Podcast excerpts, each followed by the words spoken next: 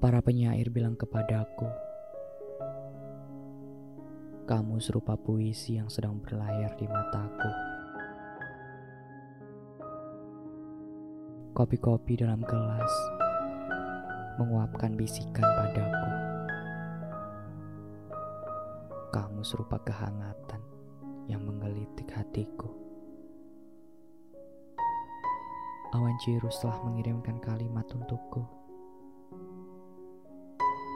Serupa kristal es yang membekukan samudraku oleh namamu.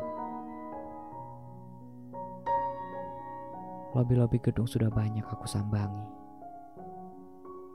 Rumah-rumah yang punah sudah aku jaga sepenuh hati. Namun, pesawat di balik jendela-jendela kaca berdebu itu kerap mengajak aku pergi. Namun kamu Selalu kamu, lagi kamu. Kamu tempatku kembali. Ini kisah dari seorang penyair kala meneguk kopinya di bawah awan ciru siang hari.